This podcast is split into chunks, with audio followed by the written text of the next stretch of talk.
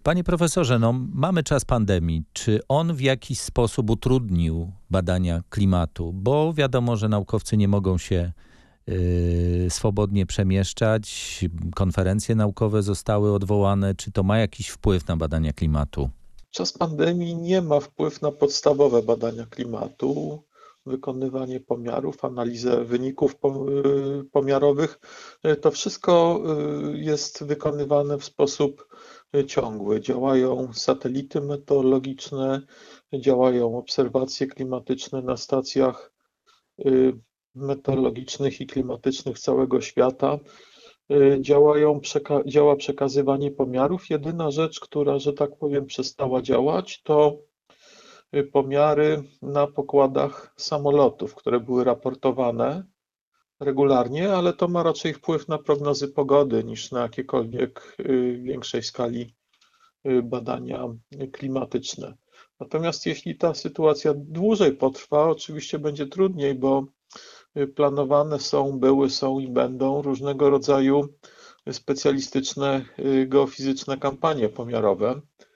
Myśmy mieli bardzo dużo szczęścia, że skończyliśmy taką wielką kampanię na subtropikalnym Atlantyku z chyba około trzema tysiącami naukowców, czterema statkami badawczymi, pięcioma samolotami, w ogóle ogromną liczbą środków tuż, tuż przed y, tym rozpowszechnieniem się epidemii. Można powiedzieć, że epidemia, która w wielu krajach doprowadziła do lockdownu, y, wymusiła taki niezwykły i, i nieplanowany eksperyment naukowy bo nagle w wielu miejscach emisje do atmosfery różnego typu y, i gazów, i pyłów y, się zmniejszyły. Czy to z kolei może się w jakiś sposób przydać badaniom klimatycznym? Czy na podstawie takiego krótkiego wahnięcia zanieczyszczeń, emisji, Państwo będziecie w stanie na przykład lepiej zrozumieć pewne procesy? Przede wszystkim y, dotyczy to różnego rodzaju pyłów, y, Mhm. aerozoli atmosferycznych i tych cząstek, które także, y, z którymi walczyliśmy z powodu smogu, więc, więc rzeczywiście w okresie lockdownu w wielu miejscach te emisje były istotnie zmniejszone. Natomiast jeśli idzie o gazy cieplarniane, to, to niekoniecznie zauważymy ten, efekt. No, tym niemniej, na przykład, jeśli idzie właśnie o, y, o kwestię emisji pyłów, no to trochę lepiej wiemy, jakie było zanieczyszczenie y, powodowane przez człowieka, a jakie przez inne czynniki naturalne. Cały czas w tej chwili trwają prace, analizy danych lidarowych i innych. Pojawiają się już pierwsze publikacje na ten temat. Widziałem takie prognozy, które próbowały oszacować e, choćby ile mniej dwutlenku węgla zostało wyemitowane e, do atmosfery, albo zostanie do końca tego roku wyemitowane do atmosfery e, właśnie w związku z lockdownem. No i tam pisze się ostrożnie od 4 do 8% w, w samym tym roku ale pojawiają się takie opinie, że to może nas y, jednak minimalnie cofnąć y, w tych pesymistycznych y, prognozach dotyczących tego, jak ta emisja będzie narastać. No bo jeśli w tym jednym roku troszeczkę się cofnęliśmy, to choć pewnie będziemy to starali się szybko nadrobić, być może będzie to widoczne. Co pan profesor na ten temat sądzi? Czy, czy w tych krzywych pojawi się jakiś taki mały ząbek przy 2020 roku? To jeszcze nie wiadomo z tego powodu, że wzrosły emisje z powodów naturalnych. Pożary y, na Syberii, w tej chwili pożary y, w Stanach Zjednoczonych, bardzo duże pożary w Ameryce y, Południowej, emisje z wiecznej zmarzliny. W związku z tym natura nas powolutku zastępuje w tych emisjach. Poza tym, y, nawet jeśli wystąpił krótkotrwały spadek emisji, on bez zmian systemowych zostanie bardzo, bardzo szybko nadrobiony, prawda? Wszyscy chcą do tego, żeby jak najprędzej zapomnieć o tym kryzysie i żeby biznes kręcił się jak zawsze. To jest dokładnie scenariusz business as usual, czyli to jest ten, ten scenariusz y, szybkiego wzrostu koncentracji gazów cieplarnianych w atmosferze. Nie nauczył nas ten kryzys, że, że trzeba zacząć troszkę inaczej podchodzić do tematu. Pandemia pokazała nam, że są mechanizmy w naturze, które wymuszają na nas y, działania, na które niekoniecznie mielibyśmy ochotę. Y, być może po tym doświadczeniu mm, świat zmieni trochę swoje podejście do handlu, do gospodarki, do łańcucha dostaw. Y, czy sądzi pan, że to może być też taka okazja, żeby zastanowić się, czy przy okazji nie możemy zrobić czegoś w kierunku ochrony klimatu? z jednej strony ta wola, żeby szybko wrócić do tego, co było, produkować, rozwijać się i tak dalej, ale z drugiej strony może refleksja, że jak już będziemy zmieniać coś tu i ówdzie, to możemy zmienić trochę więcej. Moim zdaniem to jest bardzo niebezpieczne myślenie, że wystarczy zmienić cokolwiek, czy troszeczkę, żeby zapobiec mm, katastrofie klimatycznej. Problem jest znacznie głębszy. Pytanie, czy, y, czy ta pandemia wyzwoli w nas chęć do nie zmiany właśnie y, łańcucha dostaw czy, czy czegoś tam, tylko do solidnego y, liczenia kosztów środowiskowych i obciążania tymi kosztami środowiskowymi tych, którzy najwięcej szkodzą. A o to, o to jest znacznie trudniej. Mnie się wydaje, że właśnie będą próby takiego usprawiedliwienia się. Tutaj troszeczkę zmienimy, tam troszeczkę zmienimy. No, pandemia nam pokazała i to załatwi sprawę. Y, raczej tego typu tendencje zaczynamy y, obserwować. Tak? Ludzie, ludzie się trochę przestraszyli, trochę zauważyli tych zależności, natomiast y, wydaje im się, że to jest jakaś rzecz, którą można małym ruchem załatwić. Natomiast to nie jest kwestia żadnych małych y, ruchów. My dotarliśmy do, do granic możliwości działania na naszej planecie w ten sposób, w jaki działaliśmy do tej pory i musimy zmienić te działania w dużo większej skali niż tylko jakieś takie kosmetyczne ruchy. Czy nauka oferuje nam sposoby y, zmiany, które byłyby w tej sytuacji, y, nie mówię łatwe do zaakceptowania, ale możliwe? Do zaakceptowania, bo jakby nacisk w tej chwili jest raczej na to, że trzeba coś zmienić, trzeba coś zrobić. Pan profesor mówi w dużej skali. Czy nauka oferuje nam sposób, jak to e, praktycznie zrobić? No, pytanie jest takie, co rozumie Pan przez słowo nauka, bo my w Polsce mamy bardzo specyficzne e, znaczenie słowa nauka i nauka to jest w zasadzie wszystko od nauczania się w szkole po po jakieś działania, y, które są rzeczywiście związane z badaniami przyrody. Ja bym tu w takim razie poszedł bardziej w stronę nauki i technologii, bo to nauka, y, która odpowiada na pytanie, jak to zrobić, praktycznie jak to zrobić, nie tylko w sferze deklaracji, y, ale też pokazująca konkretne i powiedziałbym też realne z punktu widzenia społecznego sposoby. Wie pan, to jest źle postawione pytanie. Nauka mówi bardzo prosto, co należy zrobić, to znaczy należy bardzo ograniczyć emisję gazów cieplarnianych i ściąć się do zera. I od tego jest nauka. Poza tym nauka i technologia dają różnego rodzaju y, techniki, które możemy zastosować natychmiast od domów zerooszczędnych przez gwałtowną redukcję y, emisji z samochodów, bo nikomu nie trzeba produkować samochodów, które ważą półtorej tony. Samochód, który waży półtorej tony i służy temu, żeby przewieźć y, jedną osobę, on nigdy nie będzie oszczędny, niezależnie od tego, czy on będzie napędzany paliwami kopalnymi czy prądem elektrycznym. Także to nauka, nauka o tym mówi wprost. Y, natomiast problem jest po stronie społecznej właśnie i po stronie organizacji społeczeństwa, czyli tych, y, tych, tych, tych miękkich i działań. W ten sposób nauka mówi nam raczej, czego nie powinniśmy robić. Czy nauka da y, odpowiedź na pytanie, jak postępować praktycznie, y, żeby nie robiąc tego, czego nauka sugeruje, nie powinniśmy robić, równocześnie mogliśmy pracować, y, ogrzewać mieszkania, zapewniać sobie te prąd elektryczny. technologie istnieją. Duża, duża ich część jest na rynku po prostu. My z tego nie korzystamy. Nauka już te technologie rozwinęła. I one są po prostu dostępne. Są technologie y, pomp cieplnych i wymiany, y, są technologie produkcji energii elektrycznej ze słońca, z wiatru, z energii jądrowej. Są technologie, które właśnie gwałtownie redukują przede wszystkim zużycie energii, ale my nie jesteśmy do nich przyzwyczajeni. Są, są technologie innych upraw roślin. To, to wszystko nauka już zaoferowała. W związku z tym to, to nie jest właściwe postawienie sprawy. Te rozwiązania istnieją i problem jest gospodarczo-społeczny. Jak, jak, jak je sfinansować? Praktykę? Nawet niekoniecznie, bo to też do końca wiadomo, jak to sfinansować.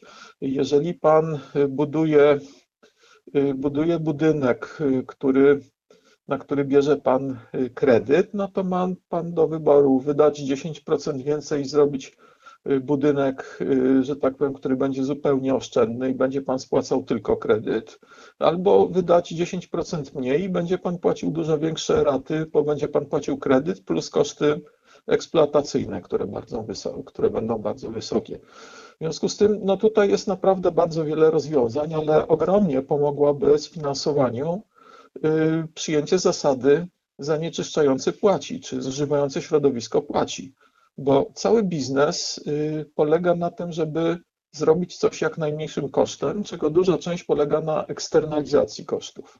Ja tu nie jestem specjalistą, ale, y, ale tak jak mówię, te rozwiązania też proponują ekonomiści środowiskowi, podatki węglowe, może być zdwieną tak, żeby y, one nie miały y, skutków finansowych dla państwa, tylko prowadziły rozdział, y, odpowiednią redystrybucję pieniędzy. Te wszystkie narzędzia są, to jest tylko kwestia woli społecznej i woli politycznej, żeby na wielką skalę te procesy wprowadzać. Mm, tak, owszem, ale tu zawsze jest jakieś ale. No i mieliśmy dowody tego w Kalifornii w tym roku, kiedy Kalifornia, kraj, można powiedzieć kraj, bo choć stan amerykański, ale, ale o rozmiarach y, gigantycznego kraju, który wprowadza e, źródła odnawialne energii od dawna i bardzo konsekwentnie, popadł w gigantyczne problemy z niedoborem energii elektrycznej. Ale on nie wprowadza konsekwentnie tych zmian. Na tym polega problem. Wyłącza energetykę jądrową, te, te wszystkie zmiany nie są robione konsekwentnie i nie są robione zgodnie z, z wiedzą naukową. Y, te, te zmiany są robione właśnie bardzo emocjonalnie i pod naciskiem opinii społecznej.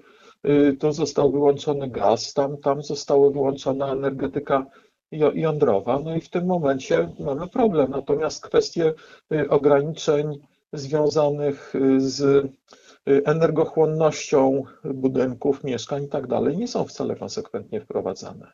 Tu jest oczywiście problem y, budowania nowych y, obiektów, które jesteśmy w stanie zaprojektować i zbudować na nowy sposób. Co do tego pewnie nie ma żadnych kontrowersji. Jest oczywiście problem starych bloków, starych budynków. Nie wszystko można ocieplić, nie wszystko można w taki sposób poprawić, żeby, żeby faktycznie było Y, efektywne na czymś w całym tym procesie, gdzieś ktoś musiałby zarabiać. No żeby... tak, ale proszę pana, y, czy pan wie, że nowe samochody zużywają więcej paliwa niż stare? Ja wiem też, że produkcja prądu przyczynia się do y, zwiększonego zużycia paliw kopalnych. I w związku z tym firmy, które zajmują się energetyką, polubiły nagle samochody elektryczne, bo nagle się okazało, że wcale nie muszą na tym tracić. Tak, ale właśnie te samochody elektryczne są wielkie i ciężkie. Naj, najbardziej popularne samochody elektryczne to są te, które przyspieszają w 5 sekund do setki. Muszą mieć y, ogromne akumulatory, bo mają ogromny silnik, prawda? To prawda. Y, więc to, to samo jest z samochodami spalinowymi. W tej chwili y, sprzedaż SUV-ów rośnie gwałtownie. Mówi się, że w klasie danego samochodu spada zużycie, natomiast średnie zużycie nowo produkowanego i wprowadzanego na rynek samochodu rośnie. Do tego jeszcze dochodzi produkcja ogniw, przyszła tak, ich utylizacja. Dochodzi, dochodzi cały, y, cały ten mechanizm ciągnięty tego, tej całej zmiany I, i tak działa biznes. I dopóki to się będzie opłacać, a będzie się opłacać do, y, do, do, y, tak długo, jak długo koszty środowiskowe będą rozmywane gdzieś na całe społeczeństwo i będą spychane na przyszłe pokolenia, bo to tak naprawdę jest, jest życie na kredyt, to, to, co, to, co, to, co w tej chwili robimy. Ekonomia nie oblicza tego, te kosztów tego kredytu i, i, i w żaden sposób go nie egzekwuje i egzekwuje go od nas natura. W związku z tym problem naprawdę nie jest problemem technologicznym. Problem jest problemem gospodarczo-społecznym. A można się nawet zastanowić, czy nie jest głównie problemem y, naszej mentalności, bo y, jeśli dobrze interpretuję to, co pan profesor mówi, y, bez zmiany tej, tej mentalności, sposobu myślenia, przy zachowaniu zwyczajów, które były nam bliskie przez ostatnich, w naszym przypadku powiedzmy 30, a, a świata zachodniego to 80 lat, ta zmiana będzie bardzo trudna. To znaczy, wie pan, nie ma lepszej zmiany mentalności niż przymus ekonomiczny. Tak długo jak, y, że tak powiem, nie będziemy płacić za rzeczywiste koszty środowiskowe, y, ta zmiana nie nastąpi. Po prostu nagle, jak się okaże, że zupełnie inne rzeczy są tanie niż nam się wydawało do tej pory, my będziemy starali się zmienić to nasze życie w ten sposób, żeby się do tego do tego dostosować i w tym jesteśmy dobrzy. Nie, nie, musimy za bardzo zmieniać swojej mentalności, musimy tylko trochę się inaczej zorganizować. Do tego jest potrzebne pewne zaufanie społeczne, y, pewne, że tak powiem, y, sprawne rządy i porozumienia międzynarodowe, ale to jest teoretycznie możliwe, nawet przy zachowaniu mentalności. Powiedzmy, potrzebna jest zmiana mentalności rządzących i spora edukacji i podniesienie podatków. Niekoniecznie podniesienie, wystarczy redystrybucja podatków, płacić za co innego. Ja nie wiem, na przykład można, można pozbyć się podatku dochodowego czy innego podatku, a włączyć inny podatek. To nawet to nie musi być podniesienie. Mhm. Czyli podatek od y, komunikacji, od lotnictwa, od mięsa. Wystarczy, wystarczy jeden, wystarczy, wystarczą dwa podatki. Podatek od węgla w momencie, kiedy paliwa kopalne wyjeżdżają na powierzchnię i podatek środowiskowy od tego, jak dana działalność wpływa na, na bioróżnorodność i stan środowiska. I tylko, tylko te, te najprostsze możliwe podatki, one będą miały przełożenie na wszystko. Pandemia koronawirusa poszła trochę w poprzek y, myślenia o klimacie, bo na przykład y, zaczęliśmy myśleć raczej o tym, by y, podróżować samotnie, samochodem, a nie komunikacją zbiorową. Z drugiej strony praca zdalna i to, że nagle nauczyliśmy się, że możemy pozostać w domu i dwa, trzy razy w tygodniu nie jeździć tam i z powrotem, to z kolei no to może być bardzo atut. niewielka część ludzi ci wszyscy, którzy pracują przy wytwarzaniu na, na roli w lesie, yy, to, to, to nie mogą pracować zdalnie. Część ludzi oczywiście może, to część usług, ale część usług znika, no bo zdalnie się obiadu nie ugotuje. Panie profesorze, a rolnictwo w tym, w tym elemencie, o którym o którym Pan mówi, czyli y, jeśli chodzi o y, wymuszenie pewnych zmian przez obciążenie dodatkowymi podatkami tych form działalności, które są szczególnie y, kosztowne dla środowiska, to co zrobić z rolnictwem? No, natychmiast przestanie się opłacać hodowla.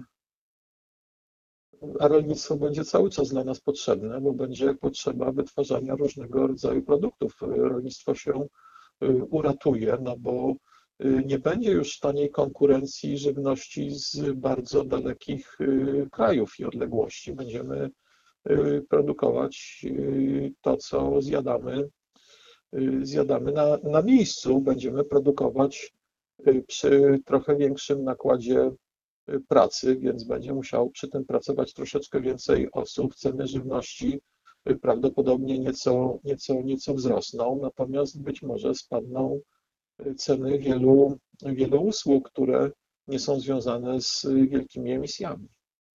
Jeśli chodzi o środowiskowe manipulacje rolnictwem, że, że tak to nazwę, to mamy za sobą jeden zły przypadek. Nie wiem, czy pan profesor się ze mną zgodzi, ale mam wrażenie, że, że świat to już zrozumiał, to znaczy biopaliwa. No tak, Był taki pomysł. Właśnie nie było, nie było liczenia kosztów środowiskowych. Mm, ale biopaliwa i, i, i ta, nazwałbym ją nawet y, wtopą, y, pokazała, że y, takie szczytne idee, pomysły, które powiedzmy na pierwszy rzut oka są, są bardzo atrakcyjne, czyli lejemy olej roślinny do samochodu i, i jest dobrze, jest taniej i jest bardziej ekologicznie, okazały się fatalne dla środowiska, okazały się też fatalne dla ludzi, bo przyczyniły się do podniesienia y, y, kosztów żywności i to szczególnie w tych rejonach, gdzie ludzie są najbiedniejsi. Ale, ale wie pan, no to taka klasyczna, że tak powiem, taki klasyczny greenwashing, prawda? Y, działalność zastępcza. To fakt, że, że tak powiem, popularne zrobiło się twierdzenie, że, że to jest dobre dla środowiska, to nie znaczy, że bardzo wiele osób nie ostrzegało od tym, Y, od, od początku. My, my rozróżnimy troszeczkę, że tak powiem, y, y, stan wiedzy naukowej od, że tak powiem, tego, co łatwo i przyjemnie jest zareklamować. My jesteśmy niewolnikami reklamy. Za, zareklamowano o fantastyczne rozwiązanie, rolnictwo się jeszcze dodatkowo na tym wzbogaci. Natomiast y, no, specjaliści od bioróżnorodności i od innych dziedzin byli wzwani, że, że ta sprawa jest y, y, z góry fałszywa. No, tak samo jak spalanie biomasy w elektrowniach. Tak, czasami słyszymy reklamy pieców na pelet w walce o czyste powietrze i tak dalej, i tak dalej, ale no nie dajmy się zwariować. No, to, jest, to jest po prostu pranie mózgów, jakie doznajemy, z tego powodu, że to są te metody eksternalizacji kosztów właśnie. Tylko za tymi metodami y, poszła, y, poszło też prawodawstwo, poszli politycy, prawda? Bo wprowadzono, wymuszono nawet w niektórych miejscach określoną dolewkę biopaliwa do, do paliw klasycznych. No, część rolników poszła w to, a teraz, gdyby to odebrać, no to będą protestować, że, że odbiera im się prawo, które zostało ileś tam 10 czy 15 lat temu y, dane. Czyli znowu jakby wracamy do polityków, jak rozumiem. No tak, ale polityka nie, nie wygra z fizyką, jak już wielokrotnie mówiłem. W związku z tym, jeżeli, jeżeli y, na początku pomysł jest zły z punktu widzenia przyrodniczego, y, ale jest łatwy do sprzedania i można znaleźć poklaski i grupy wyborców, którzy, którzy za, tym, y, za tym staną, no to taki, taki pomysł jedną, drugą czy trzecią rzecz zniszczy. Takich pomysłów mamy, mamy wszędzie wokół, no i dopiero właśnie konsekwentne liczenie kosztów i wymuszenie liczenia tego kosztu w możliwie prosty sposób utrudni tego typu y, działania i tego typu działalność. Panie profesorze, y, usłyszeliśmy parę dni temu, że Unia Europejska y, zwiększa y, swoje cele klimatyczne, chce z 40 do 55% ograniczyć emisję gazów cieplarnianych. Jak pan odbiera ten krok, tę deklarację na razie, jak rozumiem, nieprzedyskutowaną w, w międzynarodowym gronie, bo ona została tak zgłoszona dość y, y, nagle. Y, pan uważa, że to jest dobry krok w dobrym kierunku? Znowu, ja jestem fizykiem, wie pan, mnie cele nie interesują, nie interesują rezultaty i nie interesują narzędzia. Cele, cele mieliśmy wielokrotnie szczytne, jeśli idzie o redukcję emisji.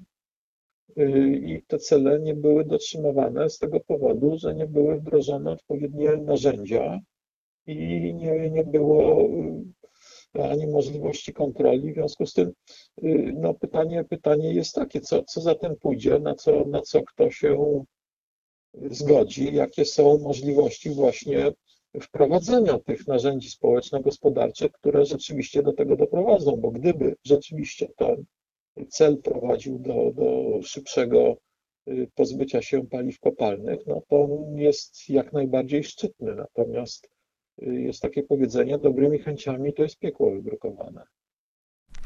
Zapytam pana jeszcze inaczej, z punktu widzenia człowieka, który napisał, jest współautorem książki na ten temat, wygłasza wiele wykładów. Mm, y, jak pan ocenia odbiór społeczny mm, tych informacji, które Państwo podajecie? Bo że są tu kontrowersje, że są takie czy inne opinie, wiemy doskonale. Czy ma Pan wrażenie, że to się zmienia, że y, czy poziom zrozumienia, czy poziom zainteresowania rośnie albo idzie w takim kierunku, którego Pan oczekuje? Na pewno y, zaczęło się o tym mówić, prawda? To ile mówimy o tym teraz, także w mediach, a ile mówiło się jeszcze trzy lata temu, to jest, to jest bardzo, bardzo, bardzo duża różnica. Natomiast cały czas brakuje świadomości głębi i powagi tego problemu problem się zauważa, natomiast y, w tej chwili jesteśmy na takim etapie liczenia na właśnie takie, takie proste rozwiązania, przekierować łańcuchy dostaw, y, takie, na takie pudrowanie sprawy, tak? Y, to postawmy sobie bardziej, bardziej ambitne cele, no a tymczasem, że tak powiem, no, nowe modele samochodów no, są coraz cięższe, prawda? Oglądamy reklamy samochodu niskiego, mocy powyżej 100 koni mechanicznych. Po co to komu, do czego? Nie mam pojęcia. Nie ma żadnych mechanizmów, które wymuszałyby przeorientowanie y, gospodarki i rzeczywistą energooszczędność. Y, dopiero myślę, y, poważne, poważne problemy będą, że tak powiem, prowadziły do, do dalszych działań. Nie ma, nie ma cały czas wielu mechanizmów wprowadzania efektywnych metod w rolnictwie, tak? Przechodzenie na y, zmniejszanie ilości diety, diety mięsnej, no niestety y, przeciętny obywatel świata je coraz więcej mięsa, tak? Od 2000 roku produkcja tekstyliów na obywatela świata wzrosła dwukrotnie i to już jest 13 kg na osobę ubrań rocznie, z których jedna trzecia jest od razu wyrzucana do środowiska. A przypominam, że y, duża część tego to jest mikroplastik, te wszystkie włókna, które, które mamy w tych, y, w, w, tych, y, w tych rzeczach. W związku, w związku z tym my koncentrujemy się na jakichś szczegółowych rozwiązaniach, a to zabrońmy diesla, a to zabrońmy czegoś. Natomiast nie ma, że tak powiem, w tych rozwiązaniach najważniejszej rzeczy. Jaka jest emisja przed, jaka jest emisja po jaki to ma skutek dla bioróżnorodności i dla środowiska. Te wszystkie działania my obliczamy finansowo i pudrujemy, mówimy, że ach, to jest wspaniałe, to będzie świetne nowe samochody, Tesla, prawda, samochód elektryczny, y, milion samochodów y, w Polsce elektrycznych. No ale jak to wpłynie na środowisko, to jest jakby ostatnia rzecz, którą, którą tutaj w tych wszystkich pomysłach robimy. A to powinno być y, y, dokładnie odwrotnie. Sytuacja wejściowa powinna być taka, co może najmniej wpłynąć na, na środowisko i wtedy to proponujemy. Panie profesorze, wspomniał Pan przy okazji Kalifornii o, o y, energetyce jądrowej. My stoimy przed trudną najwyraźniej, bo nie podejmowaną od wielu lat decyzją co do tej energetyki jądrowej. Jest Pan fizykiem. Fizycy raczej są pozytywnie nastawieni do, do, do, do energetyki jądrowej. Powinniśmy zbudować tę te, te elektrownię y, jądrową, żeby zabezpieczyć się przed wahaniami y, dostępu do, do odnawialnych y, źródeł energii, na które rozumiem też będziemy stawiać, bo, bo, bo tych paneli słonecznych na dachach jest coraz więcej, wiatraków też ma być coraz więcej na Bałtyku. No, no, to jest bardzo dobre pytanie. No, mnie się wydaje, że nie bardzo mamy y, możliwość rezygnacji. Natomiast jest trochę różnych technologii y, jądrowych, które się od siebie różnią. Są nowsze technologie, które są już na poważnych etapach wdrażania. Co wybrać, jak wybrać. Brakuje, że tak powiem, y, znowu takiej rzetelnej analizy możliwości spojrzenia na miks energetyczny i na drogę, która doprowadzi do spadku emisji. Sprawa jest zupełnie jasna. Odrzucenie energetyki jądrowej jako narzędzia dekarbonizacji na wejściu, jak to proponują niektórzy, jest fatalnym, być może śmiertelnym błędem. Natomiast, natomiast jaką technologię, w jakim rozmiarze, jak finansowaną i tak dalej wybrać, no, brakuje, brakuje rzetelnej dyskusji publicznej fachowców na ten temat, raczej przedstawia się opinię osób, które mają te opinie no, nie, nie poparte takimi czy innymi dowodami. Ale ogólnie rzecz biorąc, jestem za tym, że, że powinniśmy to robić, bo już sytuacja klimatyczna jest tak napięta, że jakiekolwiek rozwiązanie, które w perspektywie kilkunastu czy kilkudziesięciu lat spowoduje redukcję emisji, czy na przykład wybudowanie tej elektrowni jądrowej nawet za 15 lat, jak już dalsze emisje, spadek emisji dzięki y, odnawialnym źródłom energii nie będzie możliwy, to, to, to będzie miało korzyści. Tu oczywiście w zupełnie innym kierunku idą Niemcy, wyłączając swoje y, elektrownie jądrowe, pracujące jeszcze ciągle i bezpieczne.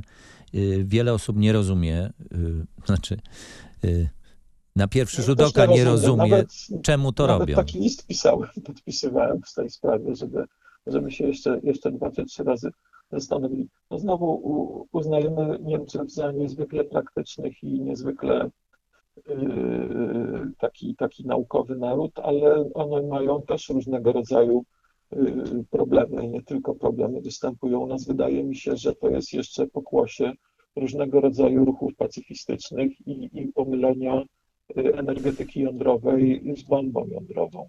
Poza tym to jest właśnie ten problem. Ludzie boją się energetyki jądrowej w momencie, kiedy statystyki pokazują, że to jest najbezpieczniejszy z obecnych sposób wytwarzania energii, jeden z dwóch najmniej emisyjnych, tak? Energetyka jądrowa i energetyka wiatrowa na, na lądzie, więc yy, myślimy, że na przykład energetyka wodna jest rozwiązaniem, ona dla klimatu wcale nie jest dobra i jest stosunkowo niebezpieczna. Panie profesorze. Mnóstwo takich nieporozumień w społeczeństwie istnieje. Znaczy, ja chciałem powiedzieć tylko tyle, że te wszystkie rozwiązania, które są potrzebne do wprowadzenia, są w zasięgu ręki, są możliwe i jest dużo prac, które pokazują, że możliwe jest wprowadzenie dużej części tych rozwiązań, które niekoniecznie prowadzi do, do spadku jakości życia, natomiast wymaga zmiany naszych przyzwyczajeń. My jesteśmy niezwykle, niezwykle konserwatywni. Jak y, coś robił nasz dziad i ojciec, my musimy powtórzyć dokładnie, dokładnie to samo z małą modyfikacją. Y, nie jesteśmy otwarci na, na, na te rozwiązania, które, y, które mogą nas, że tak powiem, uratować przed kolapsem w skali planetarnej, bo, bo to jest to zagrożenie, przed którym stoimy, tak? Doszliśmy do granic wzrostu i o, te granice się w różny sposób y, objawiają. Tu napotykamy na granicę, tam napotykamy na granicę, my cały czas próbujemy y, robić dokładnie to, to samo, co nas doprowadziło do tych, do tych granic. No i tutaj mamy poważny problem.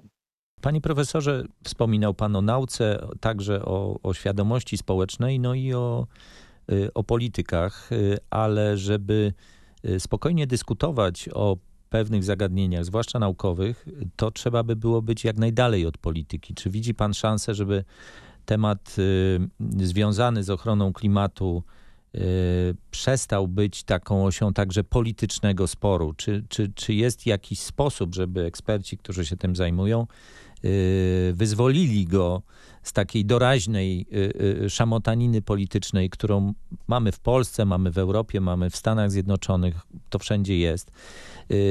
I żeby w ten sposób zdobyć szansę na taką merytoryczną dyskusję i, i faktycznie dojście do, do racjonalnych wniosków, które będzie można wprowadzić w życie.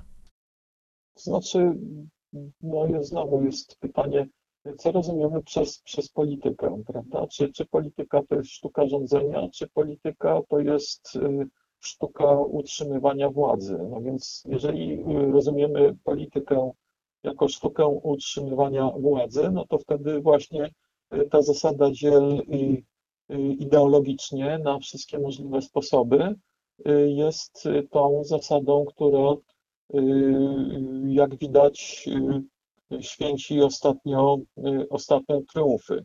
Mimo, że te podziały są czysto ideologiczne, nie mają żadnego przełożenia, czy mają słabe przełożenie na, na rzeczywistość przyrodniczą i, i, i fizyczną. Natomiast jeżeli, jeżeli mówimy o polityce jako, jako o sztuce rządzenia i wybierania optymalnych rozwiązań dla, dla, dla, dla właśnie rządzonych, no to, no to ta polityka powinna być zdecydowanie w zgodzie z nauką. W związku z tym, w związku z tym no, bardzo ważne jest, kogo wybieramy na, na polityków i czy zależy nam, żeby wygrały te nasze przyzwyczajenia, bo na ogół te ideologie, które są związane z jakimiś przyzwyczajeniami i naszym rozumieniem świata, czy, czy wygra ten takie racjonalne, y, naukowe, ale jednocześnie humanistyczne i, i mające takie, taką ludzką, etyczne spojrzenie. Takich polityków trochę jest, ale jest ich